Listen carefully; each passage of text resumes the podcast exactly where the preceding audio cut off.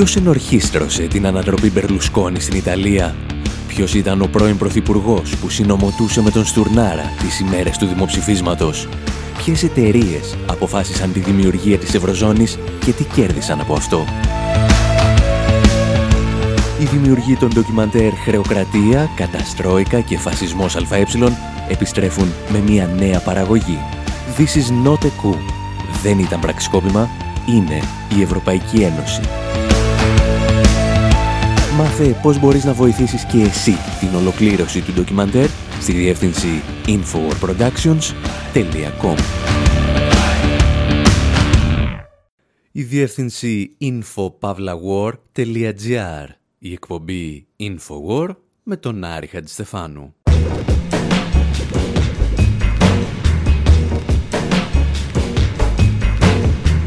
Όπου σήμερα ακούμε τα λίγα ανεκτά τραγούδια του James Bond. Αναρωτιόμαστε πόσο θλιβερό είναι να είσαι πράκτορας μιας παρεκμασμένης αυτοκρατορίας με υπεριαλιστικά αποθυμένα και να τα εκφράζεις με πολύτελη γκάτζετ και μια εργαλειακή σχέση με το αντίθετο φύλλο. Υποπτευόμαστε όμως ότι ο τελευταίος πράκτορας 007 ανατρέπει τα δεδομένα του παρελθόντος και βλέπει τον κόσμο της κατασκοπίας όπως πραγματικά είναι, βρωμερός και τρισάθλιος. Και ύστερα αλλάζουμε θέμα, αλλά όχι πολύ. Αναρωτιόμαστε ποιες βιομηχανίες κέρδισαν περισσότερο από την ανθρωποσφαγή που προκάλεσε το Ισλαμικό κράτος στο Παρίσι. Συγκεντρώνουμε το λογαριασμό και βλέπουμε για άλλη μια φορά μπροστά μας τον στρατηγικό μας σύμμαχο, το Ισραήλ.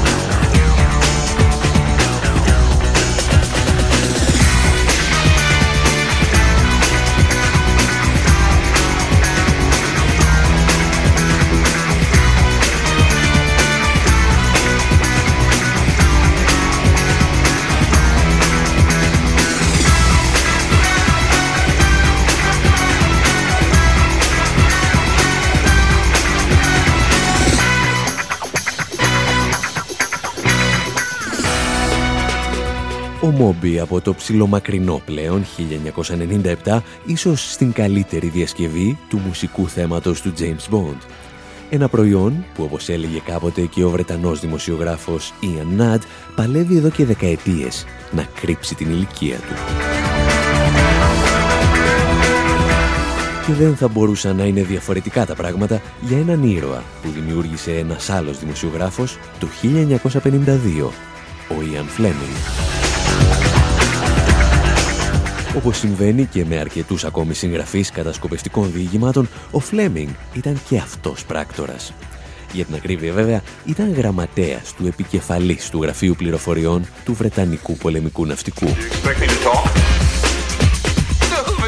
Γιατί, ως γνωστόν, το να είσαι πράκτορας δεν είναι ποτέ τόσο συναρπαστικό όσο στις ταινίες.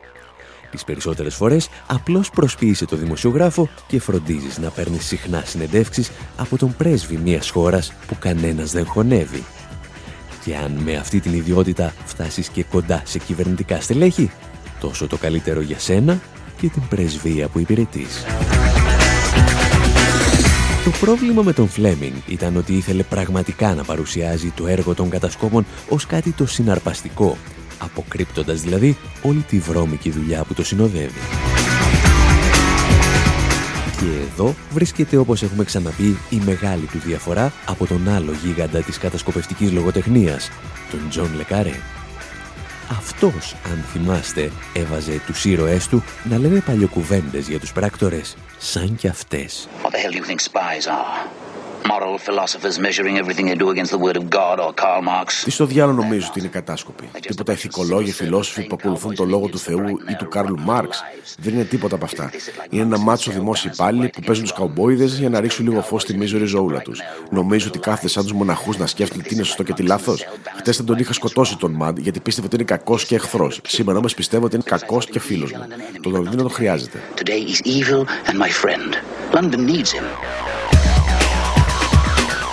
Για την ιστορία, ο μονόλογος που ακούσατε μας έρχεται από την ταινία «Ο κατάσκοπος που γύρισε από το κρύο» με τον Ρίτσαρντ Μπάρτον. Ο Τζον Λε Καρέ παρουσιάζει την πραγματική ιδιότητα ενός κατασκόπου. Ένας ακόμη δημόσιος υπάλληλος δηλαδή που παίζει τον καουμπόι για να ρίξει λίγο φως στη μίζερη ζωούλα του. Ο James Bond από την πλευρά του είχε πάντα μια διαφορετική ιστορία να διηγηθεί για να δικαιολογήσει το γεγονός ότι απλώς ήταν ένας υπάλληλος της βασίλισσας. Αυτό ακριβώς που προσπαθούσε να μας εξηγήσει και ο Jack White όταν αποφάσισε να συμμετέχει και αυτός στο soundtrack μίας εκ των ταινιών του James Bond. Τον ακούμε και επιστρέφουμε.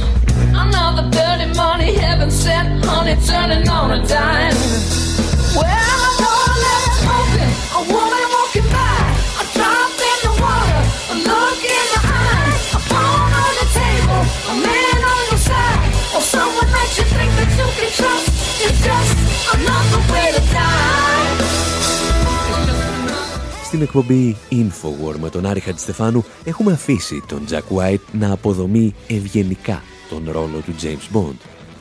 Άλλος ένας κύριος λέει με χρυσό τόνο φωνής που εργάζεται για τη Βασίλισσα.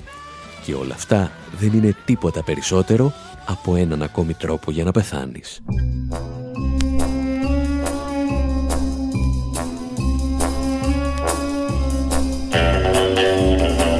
Γεννημένος όπως είπαμε το 1952 από την πένα του Ian Fleming, ο James Bond αποτελεί την τελευταία ελπίδα της Βρετανικής Αυτοκρατορίας να διατηρήσει κάτι από την φρεσκάδα της. Γεγονός δύσκολο, ύστερα από έναν παγκόσμιο πόλεμο που την έχει καταστρέψει οικονομικά και την έχει αναγκάσει να δώσει τα σκύπτρα της παγκόσμιας υπερδύναμης στις Ηνωμένες Πολιτείες. Το Λονδίνο όμως βρίσκεται σε άρνηση για αυτή την πραγματικότητα μέχρι και το 1956, όταν η κρίση του Σουέζ θα αποδείξει ότι είναι αδύναμο να διαχειριστεί μια παγκόσμια κρίση. A new Middle East crisis arises as President Nasser of Egypt tells a wildly cheering crowd in Alexandria Καθώς τα επίκαιρα της εποχής μεταδίδουν την αποτυχία του Λονδίνου να διατηρήσει τον έλεγχο της διόρυγας του Σουέζ, ο μόνος που δεν φαίνεται να καταλαβαίνει τίποτα από το στραπάτσο είναι ο James Bond. Εξακολουθεί να παραγγέλνει βότκα μαρτίνι, χτυπημένα αλλά όχι ανακατεμένα. Can I do something for you, Mr. Bond? Uh, just a drink. A martini, shaken, not stirred. For the gentleman. Vodka martini, shaken, not stirred. Vodka martini, shaken, not stirred.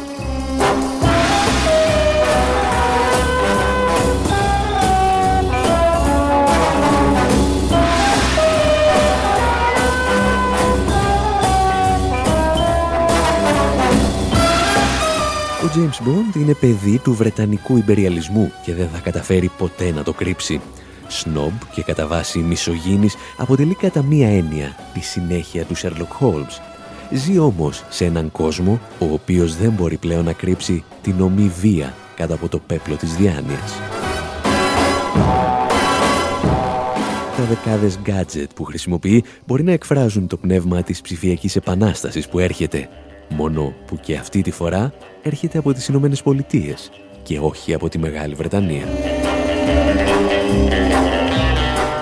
Και αυτός ο Μποντ κάποια στιγμή θα πρέπει να πεθάνει, όπως ακριβώς το προέβλεπε και το συγκρότημα Nephew.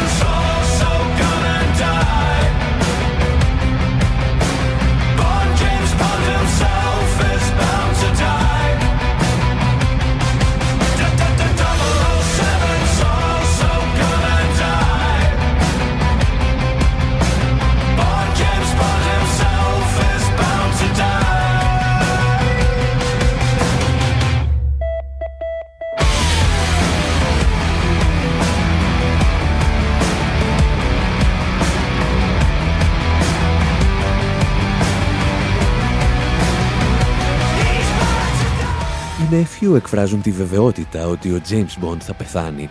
Παράλληλα όμως θέτουν και περίεργα ερωτήματα, όπως το τι θα συμβεί εάν ο Θεός δεν ευλογήσει μια πόρνη, ποια είναι η διαφορά ανάμεσα στο μαύρο και το άσπρο, τη σιωπή και την κραυγή, αλλά κυρίως το φόβο και την αμφιβολία.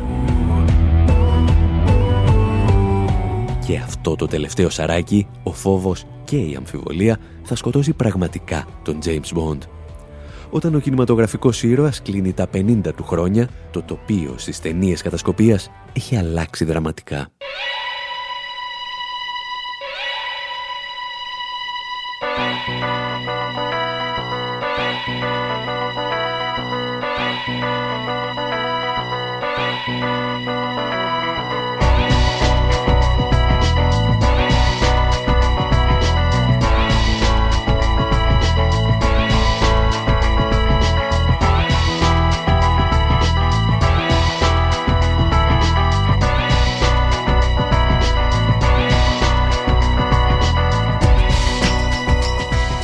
Θέση του James Bond, που δεν υδρώνει ούτε στις πιο έντονες σκηνές καταδίωξης, βρίσκονται πλέον ήρωες όπως ο Jason Bourne, τον οποίο υποδίεται ο Matt Damon στην ταινία «Χωρίς ταυτότητα».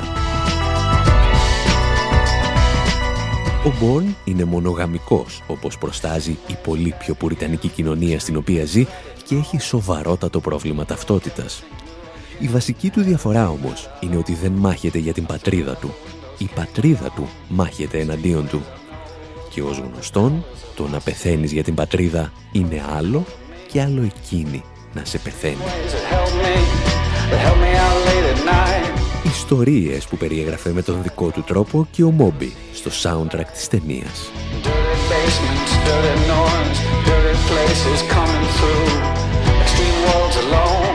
Did you ever like it then?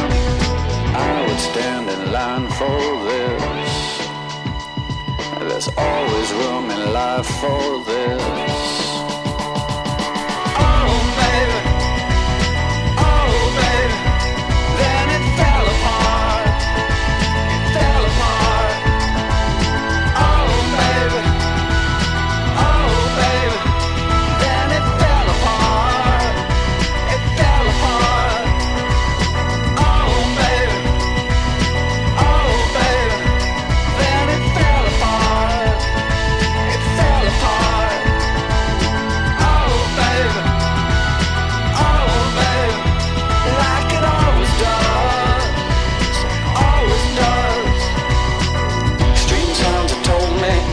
Από το καζίνο Ροαγιάλ και μετά, ο James Bond θα προσπαθήσει να προσαρμοστεί σε αυτή τη νέα πραγματικότητα των κατασκόπων που ματώνουν και οι ίδιοι, αντί να ματώνουν απλώς τους αντιπάλους τους.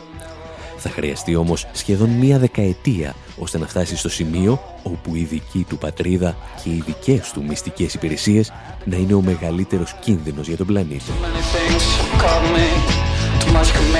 Και αυτό ακριβώς θέλουμε να σχολιάσουμε στο κλείσιμο αυτής της εκπομπής, ύστερα από ένα μικρό διαλυματάκι με τον Louis Armstrong να τραγουδά για το soundtrack του James Bond το 1969.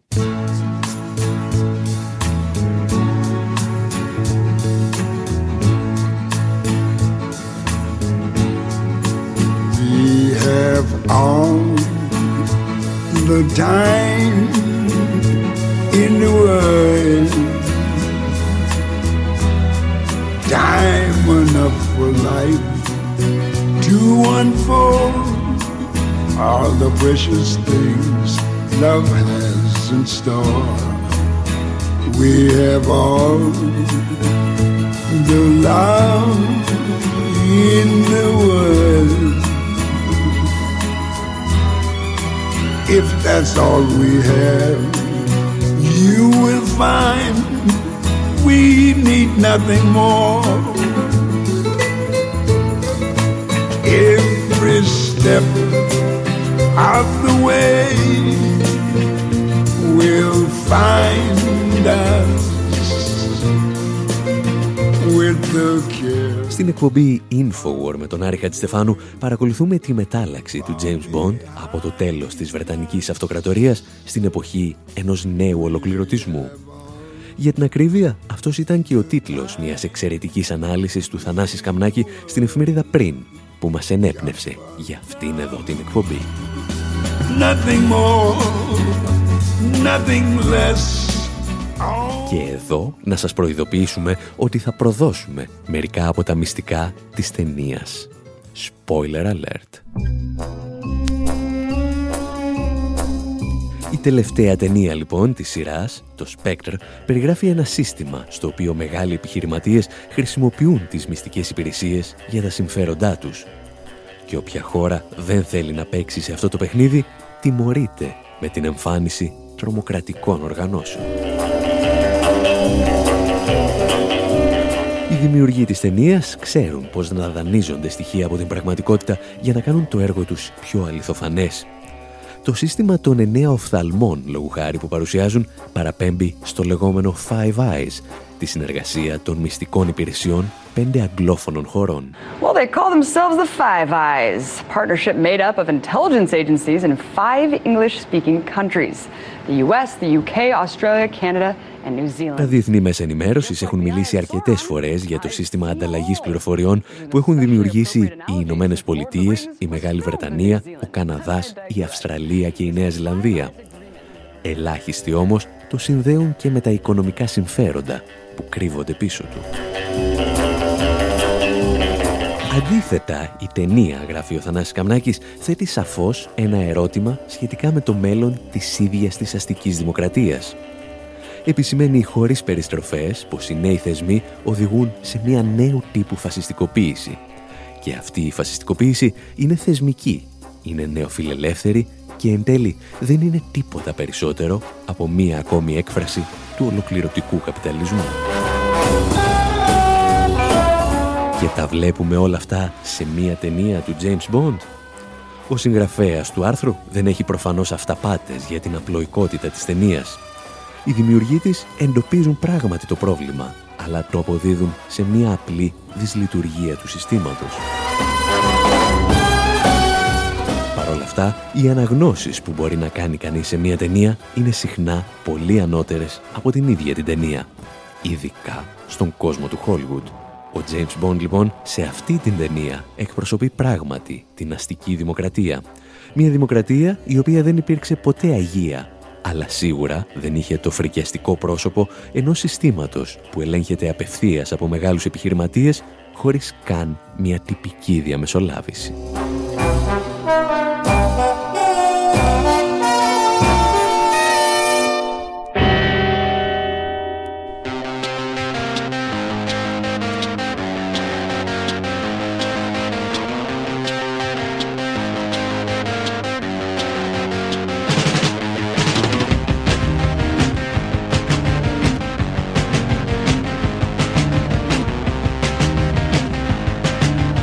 Εάν πάλι εσείς δεν μένετε ικανοποιημένοι με τις αναλύσεις για την πραγματικότητα στις ταινίες, ίσως σας έχουμε μια καλύτερη επιλογή. Η δημιουργή των ντοκιμαντέρ «Ντετόκραση», «Καταστρόικα» και «Φασισμός ΑΕ», δηλαδή εμείς, αποφασίσαμε να παρουσιάσουμε και ένα τέταρτο ντοκιμαντέρ. Προς το παρόν θα σας πούμε απλώς ότι αφορά την Ευρωζώνη και τον ρόλο της Ευρωπαϊκής Κεντρικής Τράπεζας. Θα ταξιδέψουμε και πάλι σε κάθε γωνιά της Ευρώπης συλλεγώντας πληροφορίες και συνεντεύξεις με ανθρώπους που γνώρισαν από μέσα τα πρόσφατα οικονομικά πραξικοπήματα. Στην επόμενη εκπομπή θα έχουμε πολύ περισσότερες πληροφορίες να μοιραστούμε. Αν όμως βιάζεστε, μπορείτε να ρίξετε μια πρώτη ματιά στη σελίδα infowarproductions.com ή στο info.pavlawar.gr Για άλλη μια φορά, να σας πούμε ότι θα στηριχθούμε αποκλειστικά σε εσάς για την ολοκλήρωση του ντοκιμαντέρ και σας θέλουμε όλους συμπαραγωγούς μας. Περισσότερα όμως, όπως είπαμε, την επόμενη εβδομάδα. Και μέχρι τότε, ένα μικρό διάλειμμα και επιστρέφουμε.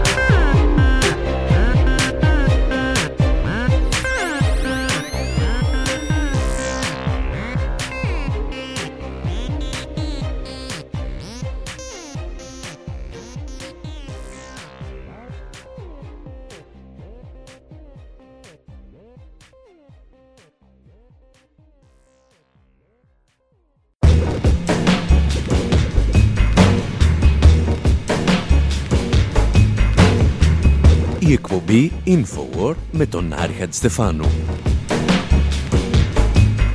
όπου σήμερα αφήνουμε να αναλύσουν τις επιθέσεις στο Παρίσι τέσσερις πρώην δολοφόνοι του Αμερικανικού στρατού. Υποπτευόμαστε ότι εκτός από βαθιά θλίψη σε ολόκληρο τον πλανήτη, η σφαγή στο Παρίσι προκάλεσε χαμόγελα στα στελέχη ορισμένων επιχειρήσεων. Κοιτάζουμε ποιοι κέρδισαν άμεσα σε ρευστό από τις επιθέσεις και συναντάμε πάλι και έναν παλιό μας στρατηγικό σύμμαχο, το κράτος του Ισραήλ.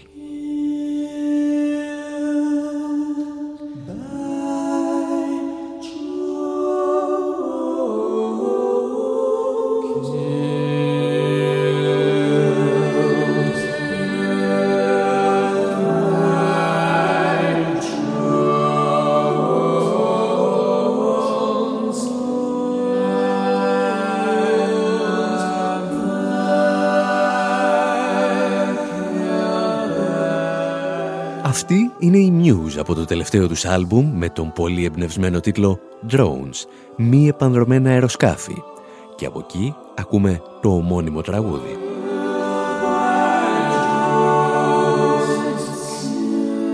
Η μητέρα μου και ο πατέρας μου, λένε, η αδερφή μου και ο αδερφός μου, ο γιος μου και η κόρη μου σκοτώθηκαν από drones. Η ζωή μου βρίσκεται κάπου ανάμεσα στα δάχτυλά σου. Μπορείς να το νιώσεις. Είσαι τόσο νεκρός μέσα σου. Τώρα μπορείς να με σκοτώσεις από την ασφάλεια του σπιτιού σου με ένα drone.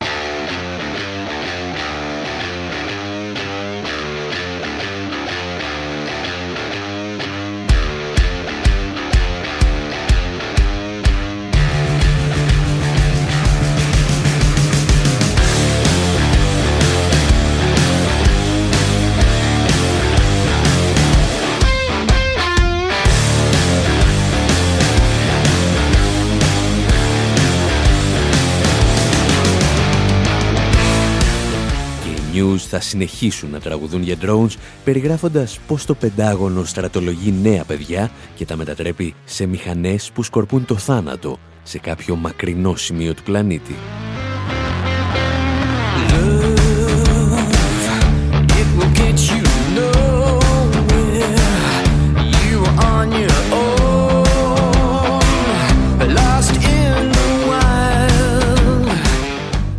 Νομίζετε ότι αυτά είναι ιστορίες βγαλμένες από ταινίες, θα θέλαμε να σας διαβάσουμε τέσσερα ονόματα τα οποία δεν έχετε ίσως ξανακούσει ποτέ και μάλλον δεν θα τα ξανακούσετε ποτέ. Σάιαν Westmoreland, Michael Haas, Brandon Bryant και Stephen Lewis. Τους ρωτήσεις τι δουλειά έκαναν μέχρι σήμερα, θα σου απαντήσουν ότι ήταν δολοφόνοι του Αμερικανικού στρατού. Και λένε όλη την αλήθεια.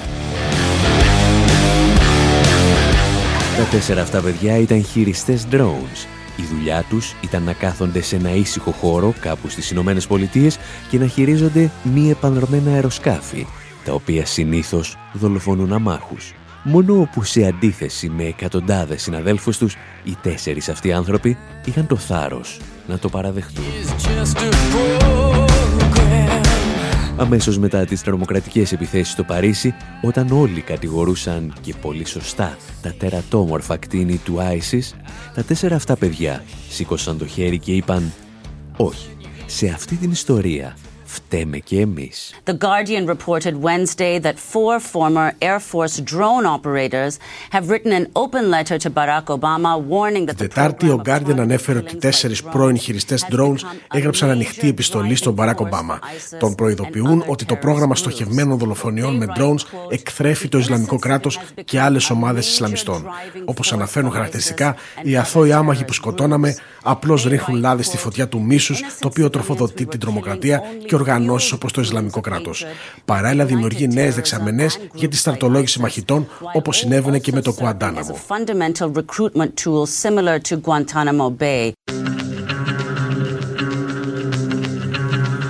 Η ιστορία των τεσσάρων χειριστών drones θα μπορούσε να συνοψιστεί σε μια φράση ενός συναδέλφου τους που συμμετείχε σε ένα ντοκιμαντέρ για drones που κυκλοφόρησε αυτή την εβδομάδα στη Νέα Υόρκη. I didn't really understand what it meant to kill at first. Um, it was horrible. Στην αρχή δεν κατάλαβα τι σημαίνει να σκοτώνεις. Ήταν φρικτό. The first time was horrible. The second time was Την πρώτη φορά ήταν φρικτό, τη δεύτερη φορά ήταν φρικτό. the third time was numbing. Την τρίτη φορά ήταν αδιάφορο. Ο χειριστής αυτού του ντρόουν ξεκίνησε με φρίκι και κατέληξε με απόλυτη αδιαφορία για την ανθρώπινη ζωή που αφαιρούσε. Την ίδια αδιαφορία που εκφράζει και ο ήρωας του βιβλίου «Ο ξένος» του Αλμπερ Καμί, όταν σκοτώνει έναν Άραβα και δεν μπορεί να αισθανθεί οποιοδήποτε αίσθημα γι' αυτό. Τον ξένο για τον οποίο θα τραγουδήσουν αρκετά χρόνια αργότερα οι Cure.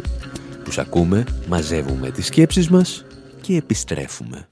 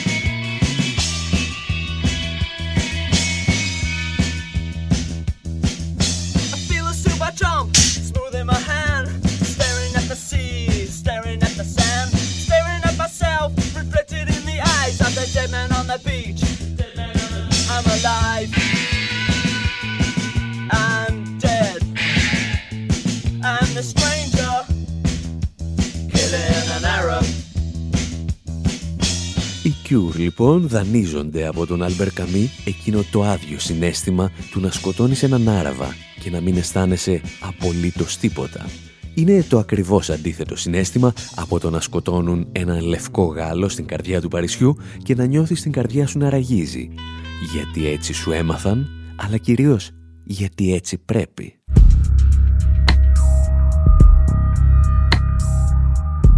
Ανεξαρτήτως πάντως του πώς διαχειρίζεται κανείς το θάνατο συνανθρώπων του, ένα πράγμα θα ήταν βέβαιο. Ότι κανένας λογικός άνθρωπος δεν μπορεί να δηλώνει ικανοποιημένος από ένα τέτοιο γεγονός. Κανένας; Όχι ακριβώς. Αμέσως μετά τις επιθέσεις στο Παρίσι υπήρξε ένας κλάδος της παγκόσμιας βιομηχανίας που γνώρισε τα μεγαλύτερα συναισθήματα χαράς των τελευταίων χρόνων. Αμέσως μόλις άνοιξαν οι αγορές, μετά τις επιθέσεις, οι τιμές των μετοχών των πολεμικών βιομηχανιών ξεκίνησαν ένα ξέφρενο ράλι ανόδου. Ανάμεσά τους, εταιρείες που παράγουν οπλικά συστήματα όπως η Lockheed Martin, η General Dynamics, η Raytheon, αλλά και εταιρείες με συστήματα παρακολουθήσεων όπως η Bose Allen Hamilton. Το ίδιο συνέβη και στο γαλλικό χρηματιστήριο. Παρά το γεγονός ότι ο γενικός δείκτης υποχωρούσε, η Θαλής, η μεγαλύτερη βιομηχανία όπλων της χώρας, έβλεπε τις τιμές των μετοχών της να αυξάνονται έως και κατά 3%.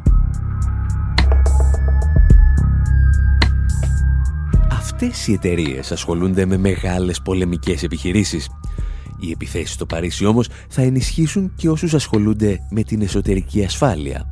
Γιατί οι χώρες της Ευρωπαϊκής Ένωσης βρήκαν όπως φαίνεται την αφορμή που ζητούσαν για να ανταλλάξουν την ελευθερία με την ασφάλεια. Και σε αυτές τις περιπτώσεις κανένας δεν μπορεί να καλύψει καλύτερα και αμεσότερα τις ανάγκες σου σε εξοπλισμό για τον έλεγχο του πληθυσμού από το κράτος του Ισραήλ. Ήδη μικρότερες Ισραηλινές εταιρείες όπως η Briefcam και η Mer Group αναμένουν τρομακτικές αυξήσεις πωλήσεων τους επόμενους μήνες. Και όλες οι εταιρείες με τους ξένους ανταγωνιστές τους βρέθηκαν στη γαλλική πρωτεύουσα τέσσερις μόλις ημέρες μετά τις επιθέσεις όταν άνοιξε τις πύλες της η Διεθνής Έκθεση Συστημάτων Εσωτερικής Ασφάλειας Millipol. Εμείς πάλι θα θυμηθούμε γιατί το Ισραήλ έχει μετατραπεί σε πρωταθλητή των συστημάτων εσωτερικού ελέγχου μιας χώρας, αφού πρώτα αφήσουμε τους Pearl Jam να θάψουν μερικούς εμπόρους όπλων βαθιά μέσα στο χώμα.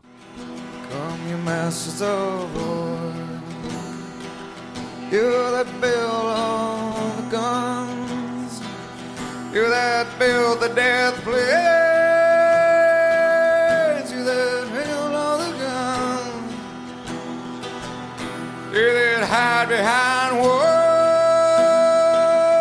you that hide behind desks. I just want you to know I can see through your masks. You that never done nothing but to build and destroy. You play with my world.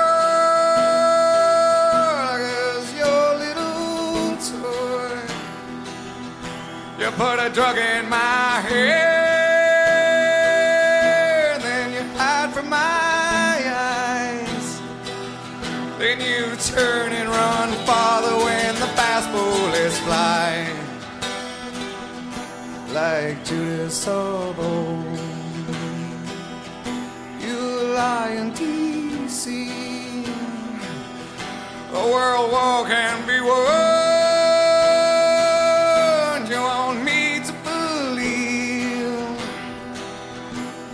See through your eyes, and I see through your brain, like I see through the water that runs down my drain. You that fasten all the triggers for the others to fire, then you sit back and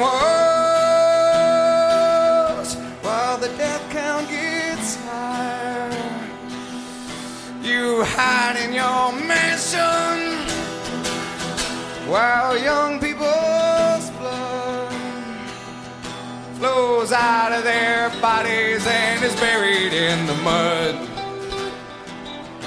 You've thrown the worst fear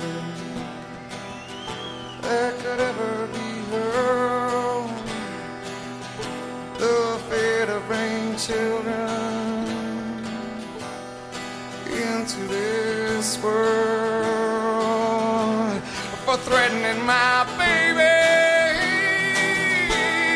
I'm born in a name. You ain't worth the blood that runs in your veins. Δεν αξίζεις ούτε το αίμα που τρέχει στις φλέβες σου. Ελπίζω να πεθάνεις και μάλιστα σύντομα και εγώ θα ακολουθήσω το φερετρό σου και θα παρακολουθώ καθώς σε κατεβάζουν στο νεκροκρέβατό σου. Θα κάτσω πάνω από τον τάφο σου για να είμαι σίγουρος ότι έχεις πεθάνει.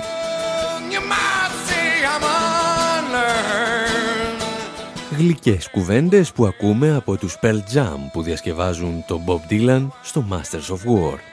Κατάρες για τους εμπόρους όπλων ολόκληρου του πλανήτη. Το Masters of War θα γραφτεί το 1963 με αφορμή την περίφημη ομιλία του Eisenhower για το λεγόμενο στρατιωτικό βιομηχανικό σύμπλεγμα. Και για αυτό το σύμπλεγμα θα μιλήσουμε σήμερα. Από τη σκοπιά όμως όχι των Ηνωμένων Πολιτειών, αλλά του Ισραηλινού κράτους. Using an advanced observation platform, which you can all see here, the target is positively identified. Έχουμε επιστρέψει στο 2009, απένσως μετά την Ισραηλινή επιχείρηση Cast Lead. Οι Ισραηλινοί στρατιώτες, τους οποίους καλό είναι να μην κατηγορούμε γιατί εκνευρίζεται το Indymedia, έχουν μόλις δολοφονήσει περίπου 1.500 Παλαιστίνιους. Και όπως πάντα, στη συντριπτική τους πλειονότητα είναι άμαχοι, γυναίκες και παιδιά. Η δική μας ιστορία όμως δεν εκτιλήσεται στη Γάζα. Με τη βοήθεια του ντοκιμαντέρ The Lab έχουμε μεταφερθεί στη Γαλλία, σε μία από τις μεγαλύτερες εκθέσεις αμυντικών συστημάτων της Ευρώπης.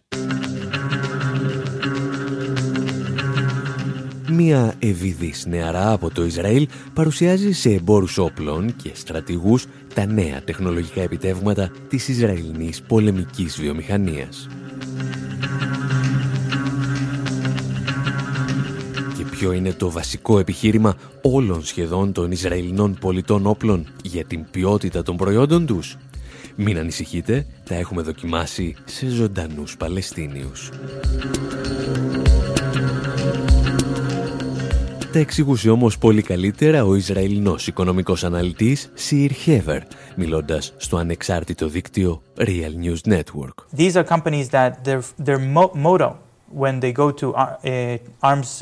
το επιχειρηματικό μοντέλο των εταιριών ασφαλείας του Ισραήλ στηρίζεται στην κατοχή των Παλαιστινιακών εδαφών. Όταν παρουσιάζουν τα προϊόντα τους σε εκθέσεις οπλικών συστημάτων σε όλο τον κόσμο, εξηγούν ότι έχουν δοκιμαστεί από τον Ισραηλινό στρατό σε αληθινούς ανθρώπους. Κάθε όπλο λοιπόν περνά πρώτα από τον Ισραηλινό στρατό που το δοκιμάζει στους Παλαιστίνιους και ύστερα μπορεί να απολυθεί.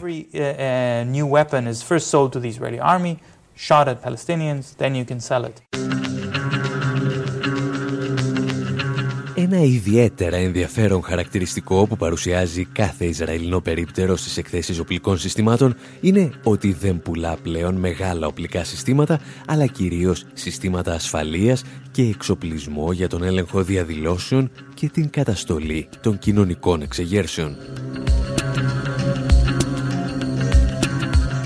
Και το ερώτημα είναι πώς έφτασε μια πολεμική μηχανή που μπορούσε να πολεμά όλα τα γειτονικά αραβικά κράτη ταυτόχρονα να πουλά δακρυγόνα για την ελληνική αστυνομία και πλαστικές σφαίρες στη Βραζιλία; Για σταθείτε, είπαν οι Ισραηλοί κατασκευαστές όπλων, αφού το μόνο που ξέρουμε να κάνουμε καλά είναι να αποκλείουμε τους Παλαιστίνιους και να τους εκτελούμε όταν δεν μπορούν να κουνηθούν, γιατί να μην πουλήσουμε αυτήν την τεχνογνωσία και στον υπόλοιπο πλανήτη.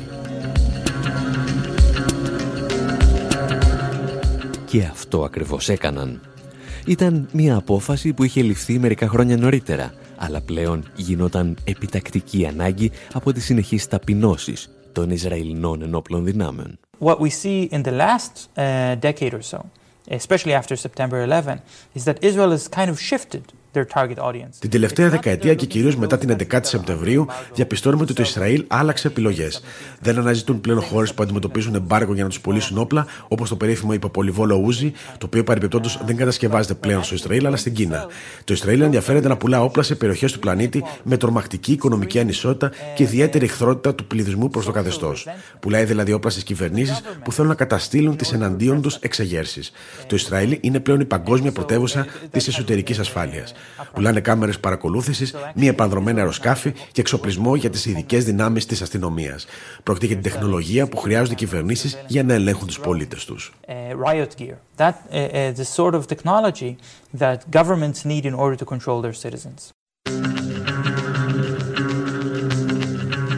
Αυτά συζητούσαμε, αν θυμάστε, κατά την τελευταία επιχείρηση των Ισραηλινών εναντίον της Γάζας, και όπως φαίνεται θα πρέπει να τα θυμόμαστε σιγά σιγά και για άλλες χώρες που ανταλλάσσουν την ελευθερία και τη δημοκρατία με την ασφάλεια. Κάπου εδώ βέβαια θα πρέπει να σας αφήσουμε και για αυτή την εβδομάδα.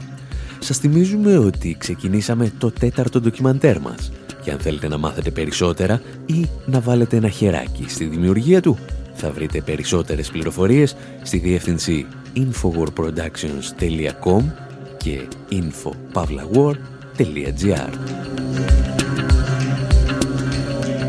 Μέχρι την επόμενη εβδομάδα πάντως, από τον Άρη Χατζηστεφάνου στο μικρόφωνο και τον Δημήτρη Σταθόπουλο στην τεχνική επιμέλεια, γεια σας και χαρά σας.